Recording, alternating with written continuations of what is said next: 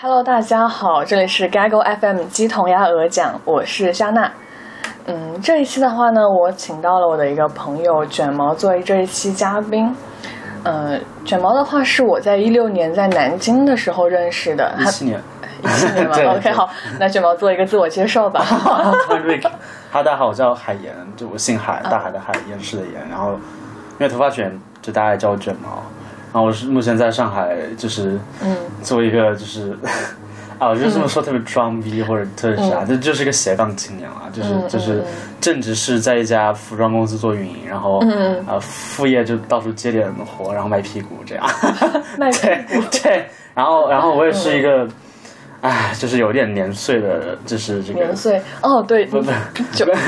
你要不是不在是我不是面前不说是不是不年是，我岁。说我也是个有点年岁的内容生产者，因为嗯我也长期写、写一些什么公众号和我以及我也有自己的电台，然后这个电台很久没有更新了，所以、嗯所以你今天跟我录节目拯救了这个电台，我觉得应该会马上更新这一 期。对，这个电台叫深野，就是。野生两个字倒过来，啊，大家是可以哦没有在在没有在 promotion，就是没有在 promote 我自己的对电台，就是因为也很少人听，大家大家有兴趣可以去听，也是采访人这样的。是的，可以在网易云音乐上面搜索“深野生活”的深，这野生的野，对，是的，对然后同时再搜索一下 Gaggle FM，对，同时在或者嗯搜索，推荐对对一对下， 是嗯好，互相打了个广告。OK，、那这一期的话，其实我一直在想我们要聊什么话题，因为其实最近的话下，头因为我 呗对好的， 对对因为其实我这边也了解，呃，就是你在日本玩了一个月，嗯，很羡慕，嗯，没有，就是就是上个月，因为不是过年嘛，然后就是的是整个二月份，哎，应该这么说，就是因为因为去年遭受了一些生活的创伤，然后呢，然后呢，在二月份的时候出去了一个月，呃，去了长久我一直想去两个地方，就是台湾和日本，然后在外面待了一个月，然后刚回来，然后有一些嗯，哎生活感想、生活感触，就这这里就是借题发挥一下，然后跟你可以，嗯，瞎聊一下，对。对，哎，那你当嗯时说重大创伤是哪一些？我当时好像，嗯，就呃，就去年，去年生活上发生一些乱七八糟的问题，然后呃，有半年的时间非常的低沉，嗯，对对对，然后慢慢慢慢缓过来这样嗯子，工作上和生活上，对对对，发生了一些比较大的变故，嗯，对，然后后面沉浸了半年之后，然后现在就苏醒过来，然后开始恢复元气，对，其实卷毛在我心目中就是一直都是一个很有元气的人，我们一直一起丧，一起嗯有元啊对，气。 是的，是的，一起什么人人间不值得，嗯，对对对，没有对对对人间还是值人得间还的是。值得的，对对对是。那你觉得就那你可以说像就像我们小伙，或者说你向我介绍一下你在日本和台湾的时候，你觉得最有印象的事情是什么？或者说你觉得对你改变比较大？应该可能也很难说是改变吧，那就是说你最有印象的这个事情。啊、好啊，可以啊，就是我觉得能说很多，就是我这么说吧，就是因为呃，我我其实是一个，嗯，怎么说，就旅行上我是一个背包客，然后我之前也有去过，我觉得我去的地方不多，但是就是现在算下来是六个国家这样，嗯嗯呃，然后我是从一六年的九月份开始旅行，出国旅行，一个人出国旅行，然后一直都一个人走，嗯然后那就是十八岁，呃，对，两三年前，嗯然后然后到呃这一次，我觉得嗯给我改变很大的地方是，呃，怎么说，就是我因为因为台湾和日本是我一直长期有个人情愫，并且长期一直想去的地方，然后就是。嗯，我真是大概就是七八岁，因为一直看动漫，然后就一直很想去日本，然后嗯以及我对，就我对日本这个国家超级有兴趣，以及我现在也在学日语，嗯，对，所以到过去之后，发现其实，嗯，我觉得很多事情就是，呃，合乎预期当中，但是又超乎预期之外。嗯对，就是这，我觉得这感觉蛮棒的。就是、嗯呃，我可以先说台湾吧，因为可以台湾可是以台湾是刚，就是顺序是我先到的台湾，后面去了日嗯本。呃，我我觉得我对台湾的观感就是，呃，两个层 面。一我的，我 没事没事，没没没，好一个小插曲。对， 我台湾们的自己我不是们的刚刚同性合法了吗？那你当时已经经历了吗？对还是说你当时其实已经离开了，在台湾这个时候？就是同呃呃，OK，这是因为比较大的一个，因为台湾同性婚姻合法是我们是可以待会儿再说是一个蛮长期的过程。然后前段时间刚发生的是是这个法。嗯啊，我我我觉得我这么说可能不太严谨，但大家懂我的意思就好。就是这个法令在法嗯院大法院被通过了，嗯嗯，只是说他们需要一点时间去 process 这个过程，但是在五月二十七号还是多久，就我忘了具体时间，反正就今年五月份，这个事情就基本能成了。但是这个貌似是具体要纳入现在就是当代的目前存在的现存法律呢，还是立一个专案呢？就这个可能要再说。对，然后对，但我然后说回来，就是我对台湾的观感是呃两个层面吧。我觉得第一是，呃，我的特别直观的就是，呃，怎么看这个地方，用眼睛怎么看这个地方。第二可能就是一些比较个人情感层面的东西，就是我觉得台湾特别嗯舒服，嗯，就是全身性的让我都觉得这个地方特别特别舒服。呃，从你到从我到台北机场那一刻，然后呃到就是我那天其实就是大年初一的前不除夕夜的前一天，我到了台湾，然后那天在第一第一天晚上去泡了个温泉之后，第二天就、就除夕夜那当天啊、就到了台北市中心，然后在西门町的旁边一个青旅住着，嗯，然后我就是那种大大概下午五六点的样子，然后出去，其实那时候因为过年嘛，大家都不在家，嗯对，但西门町还是有很多人，还是有很多游客。然后我就那种突然出去，然后走到那个街道上，然后那个那种血脉喷张，嗯然后细胞都被激活的感觉，我就现在特别难忘。我觉得那那感觉好像跟我第一次去蒙古国、去乌兰巴、去乌兰巴托的那个场景一样，就是你到了一个新的地方，然后你感觉特别兴奋，啊然后以及对那那种感觉。然后是我在台湾待了十天，去了就去了走了很多台北的地方，然后去了两天高雄。嗯呃，我觉得最直观直观的印象就是，我觉得，嗯，对岸的人民都特别，嗯，这个有礼貌，然后然后让你觉得很舒服，然嗯后、对对对嗯然后呃，很多这个呃，其实呃，怎么说，公共服务也好，还是这个呃市井街景，或者是只是嗯嗯嗯单纯的风景也好，都让我感觉特别特别好。嗯然后可能也是因为我觉得我我个人的情感有在嗯，在这个上面加成，就是因为我觉得我一直对台湾也是有那种向往或者怎样怎么说吧，嗯对对对，呃，对，然后呃，如果说就是我个人情感层面的话，呃，嗯我觉得就是呃，跟当就是当在地人很多年轻人嗯聊了很多，然后也也谈到了很多政治话题，但我就不便在这儿直接表明我个人立场，我觉得可能要被封或者怎样。嗯但对，就是也是我觉得两岸在呃这个这个身份归属这个问题上还是有蛮不一样的嗯意见。对对对，我就不说我自己的立场了，但我觉得呃这个也是一个我 不能说敏感吧，但是我觉得也是大家一直在讨论的嗯事情。嗯对，然后这一次过去，嗯，我让我觉得就是，呃，台湾的朋友们让我更感觉，他们觉得台湾是一个，呃，他们觉得有归属的地方。我觉得这种归属感跟我们通常说什么爱国之类的还不太一样，我觉得那种归属感比显得更亲切一点。就是如果大家近期偶偶尔关注到台湾的话，就是大家会知道一个台湾的新市长，高雄市长韩国瑜， 就这个人也是很神奇。就是你像就台湾所有的新闻媒体都在播报他，然后你也听到就是各个大大小小的老老少少的人都在谈论关于他的事情。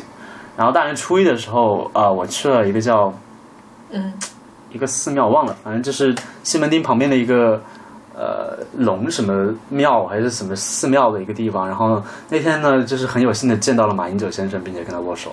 那、其实也那是你朋友圈发了， 啊，对，是其实也是他他在那里像个吉祥物一样，然后然后大家过来跟他拍照握手，对对对，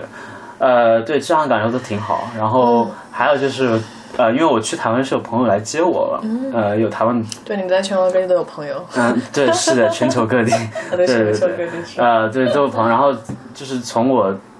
降落到后面离开台湾，都是这个朋友帮我，呃，就是一一直带我玩儿，然后然后再骑就是骑车带我逛什么的，我也很感谢他。我觉得就是也是一个特别不错的体验。嗯嗯，对对对，嗯，对，所以总体而言，我的个人观感就是这样。然后我觉得台湾台北这个城市，就是让我觉得特别想在这儿住上一段时间的，嗯呃，一个地方。对，对。但后面去了东京，觉得我操，东京更棒。 对对对对对对。然后这是台湾，然后嗯呃，特别简略的这么说啊了。然后说日本呢，就是去了大阪和东京，然后。嗯哦，是这现在太多年去日本这个事情了，就是我觉得可能我不知道大家能不能理解，就是可能就比如去个什么地方，可能对一些人是很容易达成的事情，嗯嗯嗯然后只是我可能过去的时间不是很容易实现这个事情，所以去到、去的这个过程当中，赋予了它就是有一些个人的情感意义在。嗯然后到那儿的时候，也是觉得嗯，就整个人都挺飘的，然后也是有朋友接我，也是之前旅行的朋友，对对，然后。呃，在大阪待了个四五天，然后在东京待了九天，嗯呃，然后在东京也是因为有之前认识的朋友在，然后他介绍他的朋友跟我带我一起玩，嗯并且在东京过了我二十一岁的生日，嗯，然后觉得就是这个二 十一岁，真是对暴露年龄，对，就就是就是这个整个过程和整个体验都让我觉得特别开心。嗯嗯嗯，对，然后呃，日本让我觉得是一个，就觉得亚洲高度发达国家就是这样吧，就是嗯就是那种。呃，我觉得其实我说的东西也跟大家说的都差不多，就是嗯嗯你在街道上街道上走就觉得很干净，然后、嗯呃，所有东西所有地方大家都整整齐齐，然后都、嗯嗯大家都很很很这个讲规矩，呃，有道德等等等等，嗯并且其实大家都很这个对你很 nice，对，嗯就不管你逮到任何一个街边的人，不管是问路还是嗯警察的帮忙，还是你只是进到一个居酒屋或者是某一餐厅，嗯然后服务员特别耐心的跟你这个服务你，对对对，是这这些其他那些 story，呃， 也有也有，就的是你可以我先说简完略的说一下， 就是就这些这些事情，就是都让我觉得就是特别的，嗯，感受特别好和体验特别好，嗯然后也让我觉得啊想移民， 想搬过去住，对对，然后现在在学日语，也是因为过打算就是两两两年左右过后去日本上研究生，所以所以就是这我的整体观感。然后如果说最印象最深刻的一件事情，就是呃在日本过生日嘛，然后嗯呢。呃，那可能有很多细印象很深的细节上的事情，但是就是某一件特别具体的事情，就是在台湾的话，就是，嗯、我想想，可能就是在高雄的一个，不管是游客还是当地人都很少知道的一个景点，嗯是一个有一个叫什么山，呃，忘了是柴山还是呃对，应该是柴山的一个礁石上，一直一个人坐了一个小时，然后那那个小时就是看着，呃，这个海洋一直在在你面前，就是很。哦我给你看张照片，就是、嗯可以就是 说到其说实到应该这个也请你作为上一期这个节目的，因为我们上一期好像也是这个旅行的话题。对，因为说旅行，我其实可以说很 多。是是是，我们应该可以把旅行可能从这个对，就是哦啊、我现在在跟夏娜看一张照片啊，就是 就是就这儿，嗯对对对，这这个这个嗯，礁石上我坐了很久，嗯哇对对对，然后在那上面就思考人生，然后一直听歌，听一些就是这几年一直在听的，呃，乱七八糟的东西，对，就是这儿，发现你的照片挺挺有意思的，对，还还行吧就。就挺用心的。我方面呃，我们我待会儿再看。啊你待会儿再看，我们先录吧，先录节这这 目。不是视频，对对对对对，所以这是两件印象最深刻的事情，在台北、台台湾和那个日本。那其实你刚刚也说到嘛，就是你后来回来之后对你的生活改变，就是说对你的一个生活的一个平静的一个，就是说嗯状态更多对了，是也就是说我那家改变蛮大的，对，对对对，嗯、想问我原因 是吗？嗯对，嗯、我觉得是，嗯、其实它不单是旅行的过程，嗯是我旅行过程是加速了这个过程的变化，因为，呃，我特别简单地说，就是我觉得。呃，我是一个相对心智化可能比较高的人，嗯就是就是、嗯呃，我比较能够明确的感受到自己的成长和感受到自己的变化。嗯嗯嗯然后我觉得其实这是一种特质，就是我嗯，是很好的，我遇到还蛮少人能够这样的，嗯对对。然后，对，所以嗯，刚刚有说就是我过去半年其实过得不是很顺遂，然后就是、嗯呃一直就是这个心情不太好啊，抑郁啊什可能么的比。较大起大落啊、。对，是的，我 我的人生就是一直很大起大 落然后，对对对，然后但就这次回来之后呢，我觉得，呃，有一些念想在，就比如说，嗯嗯觉得啊，有有抓住这些生活中对特别实际的、特别落地的东西，觉得你可以一直去做，然后然后嗯嗯呃嗯，你会有，就是我重新设定了一些新的生活目标，嗯嗯嗯，是的，对，就是从一个嗯呃失序的、失焦的人生轨道里面，就是就脱轨的人生轨迹里面又重转新回来了，然后走回了正轨，然后现在有了新的工作和新的要做的事情。对，和新的要学的东西，所以就是这会让你就我们刚刚在聊，我们刚刚走路在聊说，这会让你就是觉得生命的存在感增强，啊嗯呃，然后以及就是我觉得，去日本一个特别大的感受就是，嗯特别细枝末节，你我遇到一些就是出租车司机或者是一嗯些、呃餐厅里面小餐馆里面的那种就是很老的年纪比较大的一些嗯嗯就嗯是阿姨，就是这个这个欧巴桑级别的这个、嗯呃这个工作人员，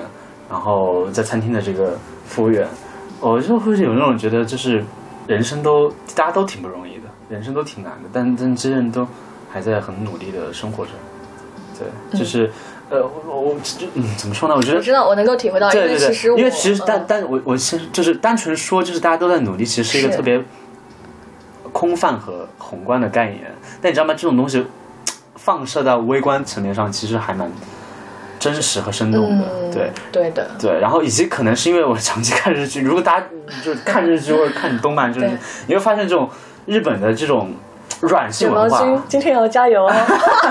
呃，そんなことじゃないで。 我想想，所以不好意思插播 不，是不是这种，就是很中二的东西。而对，是我看的比较中二，我看的比较中二，啊不好意思。哦而是而是一些就是、嗯就是那种特别柔软的，是，就是例如说是治愈和一些电影啊有些对日对记，还有说如父那如种父那种那种就是就特别打动。呃对那种那种午后的阳光照过来，然后是的你的照片里是面西瓜嗯对对，然后然后呃然后 对， 哎呦好难表达，就是。这真的是，就是日本是一个嗯挺蛮有意思的地方，但是在对这这个层面上，我觉得很打动我。嗯就是呃，我很喜欢一部日剧，是我最喜欢的一哪一部部电视剧之一，叫《火花》。呃，啊，我知道那它它在日本叫《花火》，但其实一样。嗯然后它被改编，它是一本小说，呃，讲的一个故事特别简单，就是两个喜欢漫仔，就喜欢漫漫才，就类似于，嗯哎，不是类似吧，但是可以这么理解，类似国国内的相声，嗯嗯一种语言艺术，嗯嗯喜剧语言语言艺术，嗯然后是也是日本的一个比较传统的这个、这个嗯呃语言艺术，然后两个喜欢漫才的人追逐他们的梦想，通过十年的时间，然后失败了。对，这是一个特别这么一个简单的故事，然后它嗯改编成了电视剧，在 Netflix 上有有，嗯其实是 Netflix 拍的，是他们的原创剧，然后在上面有上映，啊，嗯一共十集，每一集是讲每一年的故事，然后那那个电视剧就是嗯给我印象，给我嗯这个影响特别大，嗯而且我其实是两年前看的，然后然后那个我就你知道我到日本之后就是反反复复的在街上走的时候，尤其是夜晚的时候，或者早晨早晨，嗯就放着那个电视剧里面里面的 BGM，、那嗯个 BGM 名字叫 I see reflection。I see reflections in your eyes，就是我在你眼中看到的反射。嗯哇、这个音乐响起，我就那种就感觉亲身体会到，啊、或者对，说你就觉得好像你在你在参与这个、这嗯，个对电视剧故的事一样啊拍摄，对，然后呃，对，所以就是这是日本给我和日本台湾就是特别细小的民众的这种温暖，或者是对对于陌生人的温情给我的这种嗯呃体验。还有一个比较小的事情，但印象很深的事情是，呃，我在东京的最后一晚，嗯呃呃赶那个啊新干线从东京坐到大阪，然嗯后到了大阪也是已经很晚了，就没有没有公共交通了，于是打了个车。打滴滴哦，对，滴滴是在日本可以用哦的， 对对对。然后打滴滴，然后司机因为是滴滴嘛，其实本地人是不用滴滴的，本地人有个叫 Ja- Japan Taxi 的，哦嗯嗯呃一个 app 也是叫出租车，但是滴滴一般就是中文叫，嗯然后司机见到我先是用英文，因为就是因为一般叫这个服务对对人对其实中国人嘛，嗯然后我但其实我日语还是我日报目前不好了，但是就是简单的沟通我 OK，所以我就跟他说我说。呃啊、其实日语一点点也可以的。然后他就跟他又跟我聊了，然后我就跟他说我是日语初学者，然后可能之后要过来留学，然后这次过来旅行，等等等等。然后就，然后他就故意放慢放慢了他的语速，然后跟我聊上。哎，你知道吗？其实我我的日语真的很差，就是因为我刚开始学，然后但是就是因为长期看动漫和看日日剧的结果，就是很多词汇在大脑里了，所以他说的话我听得懂。然后就这么聊上了，聊了二十多分钟。然后他就跟我说，他说就我就跟他说我的情况，他就跟他跟我说他是南的人，然后来大阪多少年，然后开出租车司机，然后说还蛮喜欢这。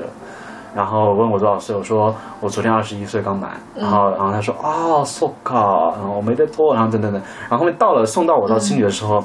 啊，他硬要塞五百日元的硬币给我说这是礼物，嗯，哇，然后我就、 嗯嗯当然拒绝了，后面那其实就熬不过他就收下了，嗯对对对，然后我觉得啊、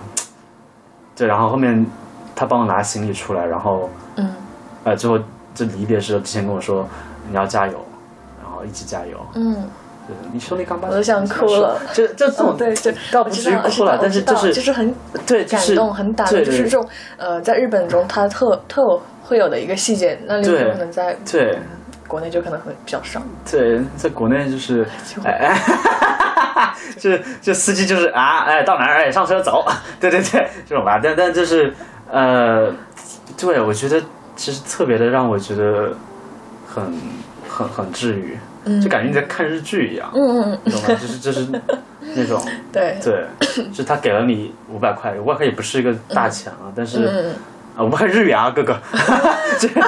就是三十块人民币吧？对对对，但但就是，但你知道，就在日本打车很贵，对对对，就是非常贵，就是比如说，呃，我当时不然是怎么会有日剧跑这个出 现？对，所以大家骑车跑，因为大家打不起车。 对啊，真的是就哇，说日剧跑就是你看，真的是哪儿哪儿人都在跑，就是小学生也好，然后然后上班族也好，白领也好，就是就跑跑跑跑跑，就是就是看日剧一样。对， 就是说来就是就是这个，因为在日日本打车还是蛮贵的，就是呃从高铁那个新干线站打到我的青旅，也就是可能。呃，五六公里的样子，将近人民币两百块了。嗯，那就真的很贵真，的呃很，贵。但我们当然没办法，是因为就是没有没有地铁了，所以他给了我这个五百日元，也不是个大钱，但是我觉得嗯对，一点心意就是那种那种很感动。因为他也不会再见到我，我们也没有留对对联系方式，但就觉得啊，就是特别好，对。然后包括在去台湾的时候，也是那种路人跟你聊天，然后问你哪儿来的，然后等等等等，然后你看到台湾那么多鲜活的生命体，就是他们在做他们自己喜欢的事情，各个行业、各个领域，嗯，各个不同年龄层的人在在用他们自己的，我觉得他们就在写故事一样，就是用他们自己特别那种微小的、微观的嗯嗯嗯，呃生命去影叙响述他周的围的一些人，对，去叙述他自己的故事，我觉得这个真的是特别棒，这个特别特别好。就你也是在用你的生命去叙述啊，。那当然，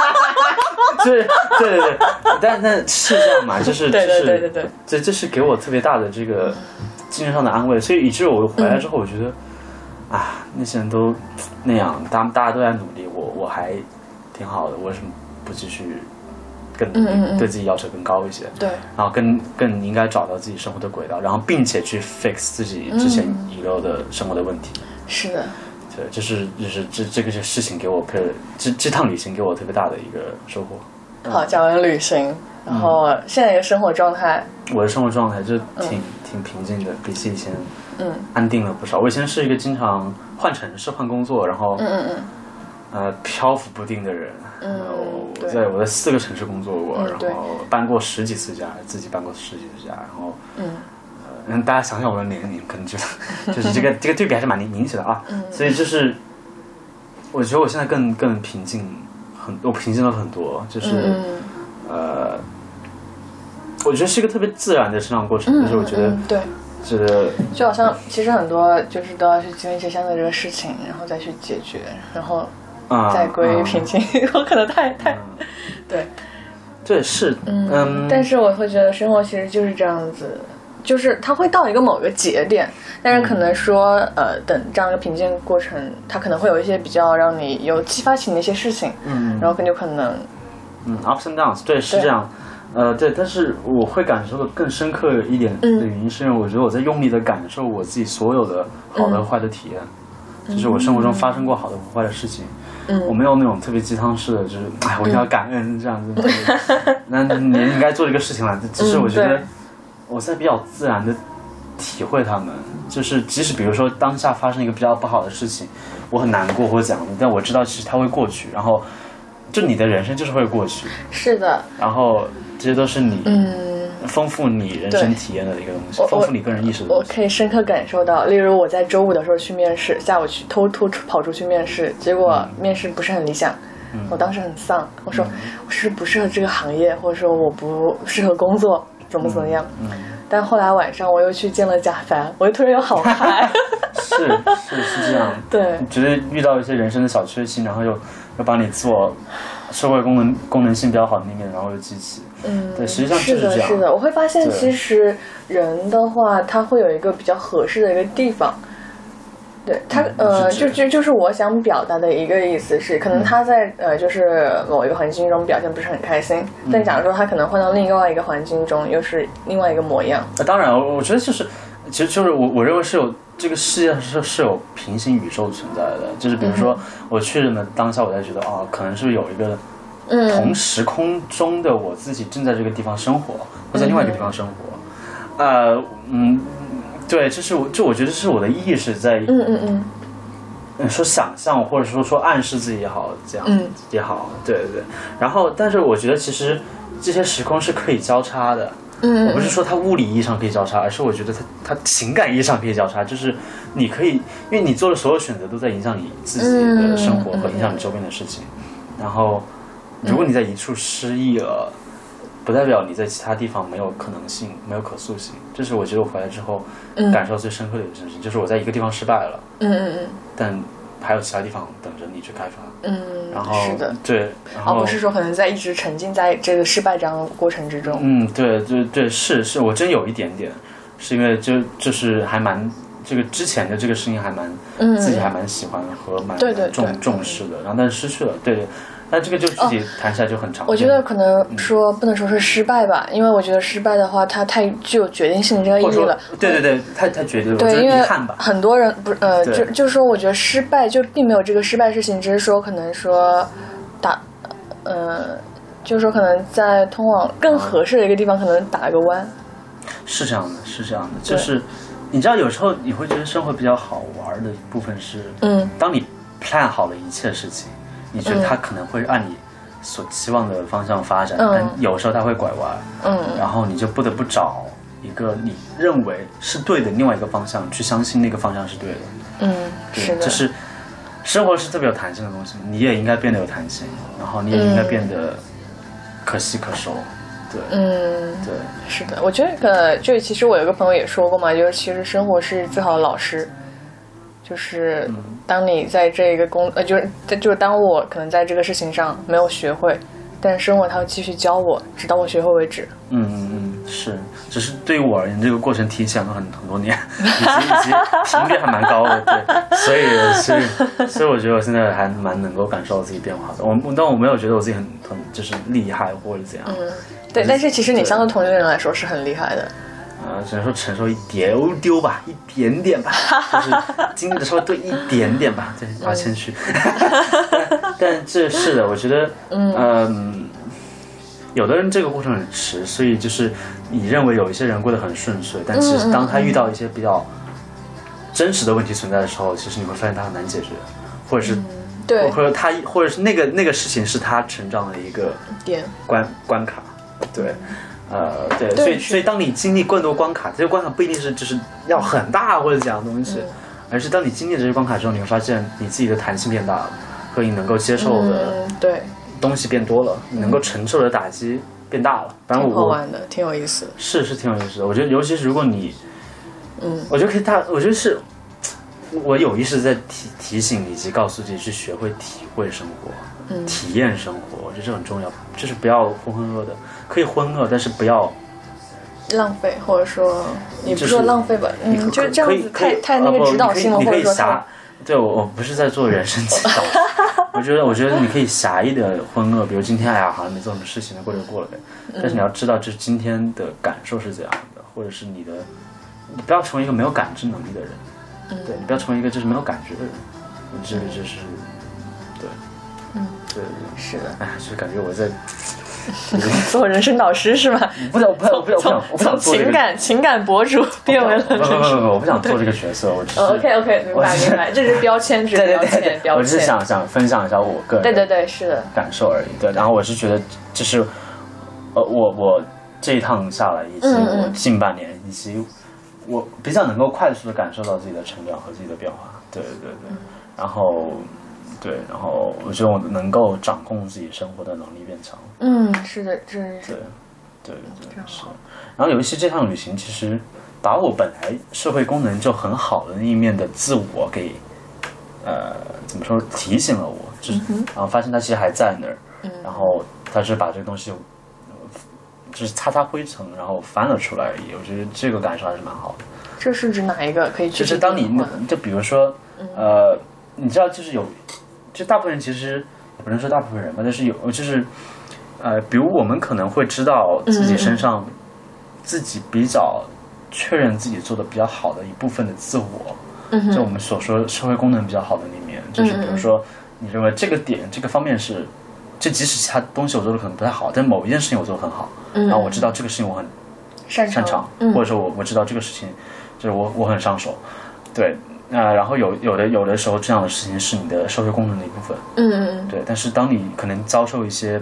呃不太顺遂和你不把它太好遗的忘掉了。呃，你对，可能可能是选择性遗忘，或者是选择性把它忽视掉。嗯嗯嗯但我觉得，就是对于我而言，这是旅行把把我本来有一些特别好的自我功能比较强的那有嗯部分，然后提醒了我他妈还在那儿，然后并且强化了这部部分的功能。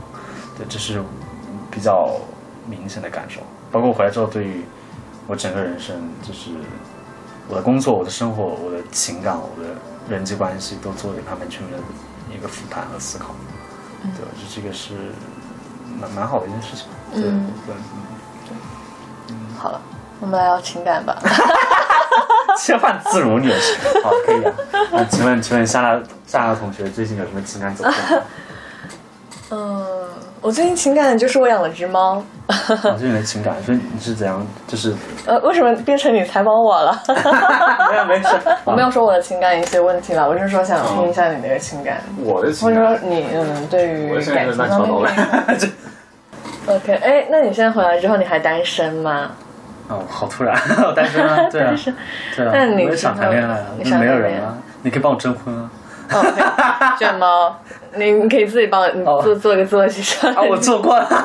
不是，你可对以于征婚请这你一块请你作为 OK，主好播告诉大家我有多优秀好吗？这是你应该做的工作。好的，啊开玩笑，卷毛他其实是我一六年的时候在北曹，是另外一个电台，然后认识的朋友。然后当时的时候我还在念书，以及说他当时也是来南京玩，然后那时候我们就吃了饭，当时聊的挺尴尬的，比现在还要尴尬。 是，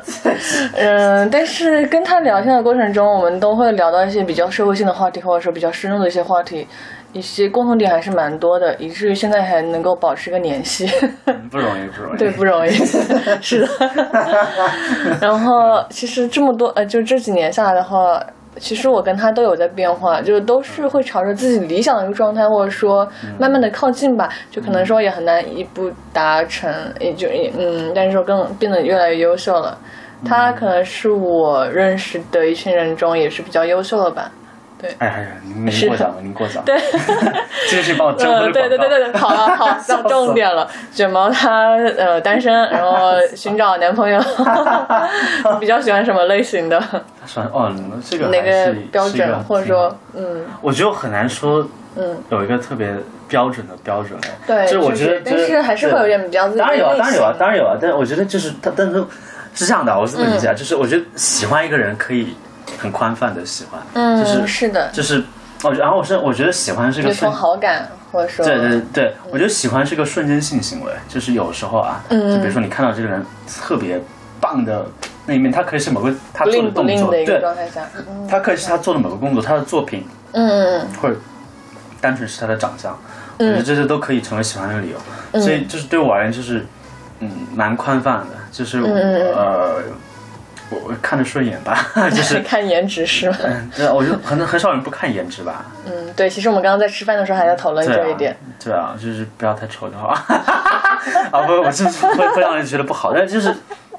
就大家懂我意思吧？就是就是，我觉得这没有什么，就是，嗯，但我不过分强调这一点。嗯，了就是解了以解就。是以及我我特别不喜欢去 judge 别人的。对对对，或者说呃任何东西吧，就对对，就是比如说在就是，哎呀，我都不想用什么 gay 圈这种东西，我不想称这个嗯这个群体叫什么 gay 圈之类的。我就觉得就是就是当代 广大姐妹们，不是不是，就是就是，嗯，这我觉得其实是，比如说你你用很多社交软件、嗯，约会软件，你会看到很多人就是在标榜自己是一个怎对样，的可人能，标签，然后然后以及说我只找什么什么东之类的人，然后说什么就是什么什么人勿扰，嗯，对对对，是的，我不所以嗯价值吧，但我是觉得就是、就是会错过一些东西啊、。对啊，就是你为什么要这肯定给是自会己错过，的你为什么要设那么多线？然后为什么要对就是觉得哦这一类人你就不接触了？嗯，然后然后就是这一类人，我就一定很喜欢，但别别人凭什么喜欢你呢？嗯，懂吗？就是我觉得就挺傻的这样他们的行为，所以我在我的所有的什么约会软件的 profile 上面的的 的是那什个那个介绍上，就是大概在说我自己是个。呃，在做什么的人，或者说就是我我的一些怎么作品是什么，然后嗯呃，以及在我所有的不只是约会啊，就所有的社交软件、嗯社交媒体上，我嗯嗯就会呃说一句我自己的很喜欢的话，然后这个这段话也不是谁。哦，这段话是这样的，就是它其实是我的纹身，就是嗯它叫 celebrate diversity，就是呃 celebrate diversity，就是这这句话，然后是我自己想出来的一句话，然后我特别某一天惊讶的发现，就是嗯它在我以前住处的那个那个床上的那个嗯嗯嗯，枕套上有印这么一句话，我不知道是我看到了，偶尔提醒我，还是我没有看到，后面是个巧合。然后就是我觉得很喜欢这个话，然后它也是我的人生价值观很重要的人生价值观，就是我觉得我是个信奉多元价值的人，就是呃对对，然后啊、那说回来呢，就是我觉得。至于我喜欢这样的人，我我觉得嗯首先就是看着顺眼吧，然后你看我顺眼，我也看你顺眼，嗯对，就这很重要。然后就像交朋友一样，嗯，就是对吧？谢谢你看我顺眼。不用不用这么就是客套的商业，好的吧？就是就是呃，我说 OK，大家都这么熟了，对，呃，然后想没有，我是想说就是对，然后但以至于说就是能够走到这样的程度，我觉得真的是看造化。然后，嗯但是你说是的我会喜欢这样的人，我觉得聊得来，嗯特别宽泛的有三个字，但是聊得来对我而言就是我跟你有很多话聊。嗯，而不是特别幸福，在吗？吃了没？睡了吗？在干嘛？ 呃我我不觉得，我不我不觉得苟且的日常不重要，我觉得也重要。嗯嗯嗯只是我觉得，我觉得我前两天还在跟一个追我的人 说这个话，就是、跟精神点嘛，我就可能是说，哦嗯、你可以这么理解，但是我觉得是这样的，就是嗯人生路啊，人生挺短嗯的，然后两个人在一起其实挺耗成本的。但是嗯，然后对，呃，都不说结婚了，恋爱关系都很难对维持，就别说恋爱了，友谊都很难维持。有时候，嗯你和你的朋友，或和你的伴侣，或和你的暧昧对象，还是你男男女朋友，或者是结婚对象，嗯你们要拿什么东西去抵抗人生中漫长的大片大片的虚无？我觉得这个就是我我会特别用力思考的问题。我觉得它，我觉得对我而言，答案是连接，就是、就比如说我这次去台湾和日本，就见识了很多之前旅行路上认识的朋友，也是很久没见了，两年没见了。然后我就觉得在在实际上他们，我就觉得啊，有朋友真好那种感觉。嗯除了就觉得有朋友给你带带来的直接便利性之外，嗯更多的是我觉得有跟这个世界有连接，嗯嗯懂吗？就是那种感觉，就是两个人在一起，其实我我我认识你，你认识我，不同的世界嘛。嗯然后我把我的东对西分享给你，把我的东西分享给我，建立连接。对啊，好鸡汤，但是就是，但是对我我认为是这样，就是所以我会喜欢嗯，跟我有话聊的人，但我觉得这只是个有时候也是伪命题，好就是的，你把你的微信号 说出来吧。我觉得是 大家如果对卷毛感兴趣，不不不就直接跟他聊 天。留言就好我我开玩笑，我开玩笑。，这我是不是说太 多啊？就是就是。没有，可能是我问的太少了。没嗯事没对事对没是事，我就觉得就聊这个还蛮有聊的，就是嗯，对，但然后但对，年纪确实很重要一点。对，例对如我们之间其实也认识了很多的朋友，就是共同很多共同的朋友，对通过这样的就有年纪交集嘛。然后就是你知道，就是那在同一个城市，就大家可能会好一些。对异地恋而言，就更、更那啥。嗯对对我对我不反就不是反正，就我我可以接受异地恋，然后嗯我就觉得连接很重要，就是、对呃，然后以及以嗯及我觉得其实，我觉得我跟大家一样，就是就是。哦，对，我还蛮想分享一件事情，就是、我觉得我这次去日本，我问了很多日本朋友，然后这样的，嗯我觉得大家对恋爱这个，就是对亲密关系这件事情上认知还蛮不一样的。嗯包括昨天我还跟在上海另外一个日本朋友吃饭聊天，说这个事情，嗯就是大家总觉得好像日本开放这样，但其实很多正常的日本不是正常的日本，不能 这么说，就是很多大部分的日本年轻人，嗯其实我觉得大家在恋爱这件事情上还是挺传统的，嗯就是就是我昨天那朋友跟我说，他说啊、当两个人在一起真的确认两个人在约会，嗯嗯并且以伴侣目的或者结婚目的嗯成为约会对象的时候，嗯嗯，他们可能才会做一些进一步的事情。不过，这当然不只不只是说性爱了，而是比如说他们会对这个事情很认真。嗯哼但我会觉得就是，呃，以下东西并不是不好啊，因为我本人也这么做，就是我也经常就是以前就是比如见个人就睡觉，然后睡了之后没有联系。嗯，我觉得可能 大家都有吧，对 对。我没有，啊，对，就我是我就很多我认识的朋友都会有这样的了解，我明白你的意思。这习嗯惯，不会不是不是习惯，就是我觉得挺快消的，但我不认为这是个好或不好的嗯事，情。对对对我，就在陈述这个事情，我也对不带价值评判。我但我现在会更倾向比较深度的嗯，人际关系，因为浅薄的人际关系对我来说是压力挺了，浪费，呃，是压力了。压力，无效社交和浅薄的人际关系对我来说是压力了。我我不是说就是我已经疲于认识新的人，我还是很很乐意认识新的人。我只是觉得，如果是以有好感的朋友或者是约会对象为目的，或是有亲密关系发生的话，我觉得我对于特别浅层的人际关系会有压力。就比如说，就是好比呃，当你跟一个你没有就是生理或精神层面好感的人发生亲密关系的时候，你其实个人会难过，或者是或者是反过来，当你对他有，他对你没有的时候，你也会难过。对，啊、这又是个很大的话题。案例就简单说，就是我觉得我之前也是，包括有时候也是这样的状态，但是我会更嗯认真的去思考这个状态是不是想要的，以及、呃是不是我需要的。对，嗯然后我就我就觉得恋爱很难，不是恋爱的过程，当然恋爱恋爱的过程也很难，但对我而言就是认识这个对象很难。对，所以接下来 就招婚，这对对，嗯就认识这个人，这个具体的人对我而言就是一件难的事情。即使我我曾经有段时间就是大量大量的嗯做无效社交，就是大量认识新的人，大量的进行快速的这个呃相识、见面等等等等，然后后面就是没有什么留存率， 是那个互联网用词用户留存率，嗯对对对，这我知道，还有对还要进行分层，对吧？因为因为不高啊， 就是就是活跃不高，对对对，是是这样的，但是但就是但其实我会觉得，嗯，你别你不用太过这个认识这个具体的人，就是我的一个想法是，你可以跟就是或就是我，比如说我可能跟很多人去认识，但是我会聊一些比较更比较具体的会聊得来的人，那进行下一步。嗯，当然了，我觉得是很对重要，除非你是单纯约炮嘛，那约炮就是另外一回事。嗯但我觉得其实有时候这是这是很难分开的。对对对，就因为是对，嗯，我觉得其实不管是亲密关系，或者说还是恋爱关系，或者说其他，我觉得其实最主要的还是陪伴吧。啊，是这我们刚才说的，就是不管是精神上对，还是说的生理上，是的，是的，陪伴很重要，就是陪伴很重要。我现在就是觉得陪伴就是一个挺稀有的资源，嗯，就是对，因为因为人际关系真的是需要花精力维持的。嗯嗯嗯我我以前觉得就是那种啊什么，其就好多年的朋友了，然后嗯不说话也怎么怎么样，其实不是的。对于我而言，至少就是你会发现很多年不说话的朋友，你不说话就真的没话说了。嗯对我对我是这样，就是然后我觉得有些人际关系就是。某一些啊，不是所有啊，就是、嗯是真的，你需要花一点点，哪怕一点点的力气去维持它。嗯就是你不能说就是你们有了以前有回忆，嗯然后互相不联系，然后甚至就是依靠着社交媒体，嗯嗯嗯，然后依靠着就是他发的每一条动态，你发的每一条动态，去了解彼此的生活，不一样的，就是嗯嗯你不知道我最近在发生什么，我也不知道你最近在发生什么，嗯我不知道你最近有没有什么困难，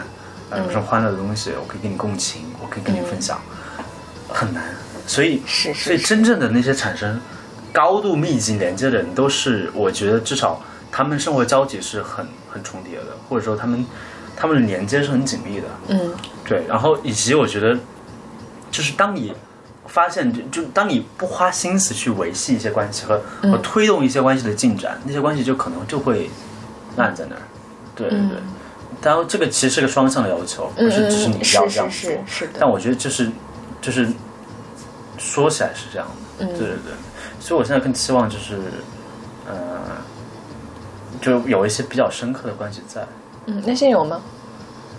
现在有吧，有吧，有，对，但是说是恋爱关系还太早。啊对对，OK，对对，那有，就是我现在的状态。对，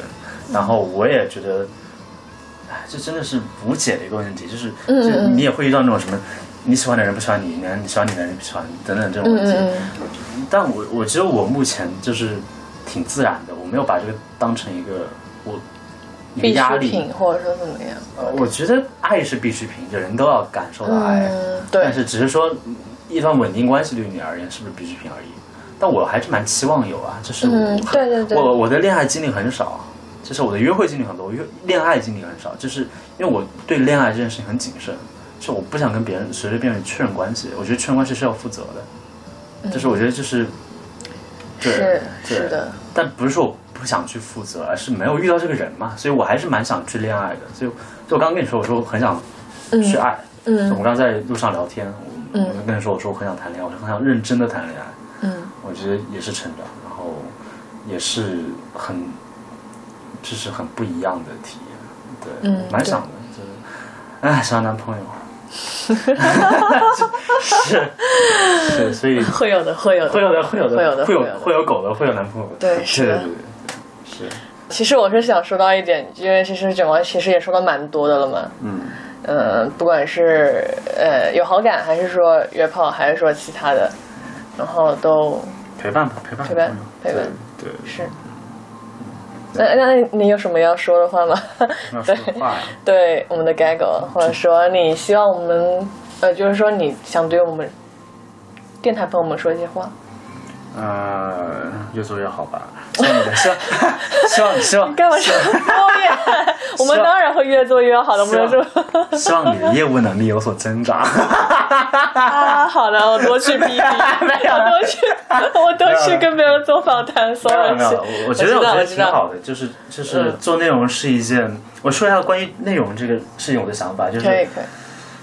我觉得做内容是一件值得尊敬的事情，就是尤其是认真做内容的是人，然后深度内容一定有市场，一定有需求。嗯呃，然后在这个 所谓大家都在拍 vlog，大家啊都在做自媒体的时代，其实很少嗯真正活有人下来的很少，真的，很少人对一是这个，二是很少人在用心的做深度内容。嗯我会对是嗯对这些，因为我比较关注嘛，所以我会稍微稍微了解一些。对所以所以我觉得做一个电台也是，你其实是在记录和嗯传播信息。那这个都过程当中，你要留存什么价值和你要传递什么价值，在耳机一旁听，耳机那头听你声音的那些人，他们会因为你说的、或你某个嘉宾说的一些话，去影响他们的某一些生活上的一些细节的东西。就像就像我们认识，或者像就是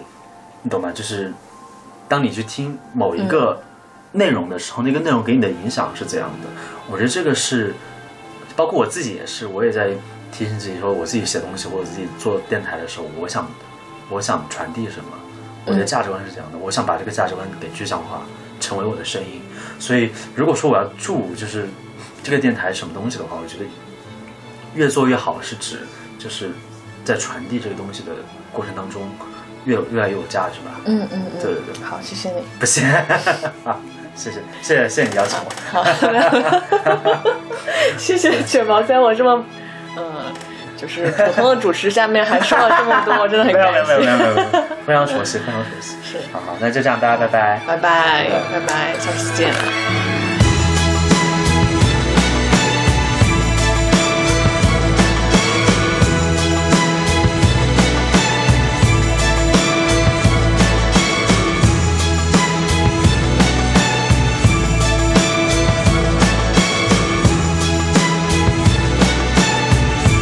Cause it's a bittersweet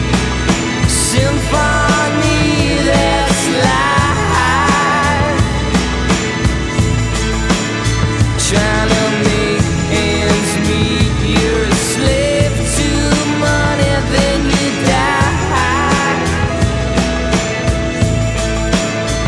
I'll take you down the only road I've ever been down. You know the one that takes you to the places where all the things meet. Yeah. No change, I can change, I